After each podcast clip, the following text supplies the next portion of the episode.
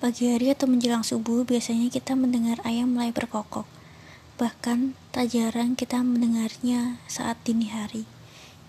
Kita mungkin berpikir bahwa hewan-hewan yang mengeluarkan suara masing-masing tak berarti apa-apa. Tapi terdapat info atau isu dari lisan ke lisan bahwa suara hewan menunjukkan sesuatu. Salah satunya adalah ayam berkokok disinyalir ia sedang melihat malaikat. Bagaimana Islam memandang ini?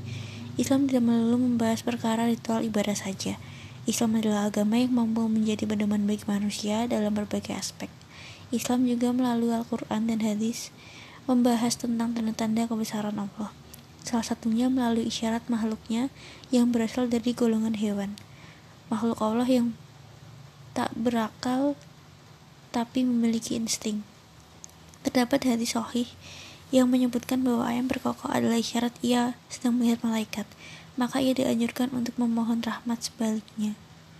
Saat mendengar suara anjing menggonggong atau keledai meringkik adalah isyarat melihat setan, maka umat muslim dianjurkan untuk memohon ampun kepada Allah.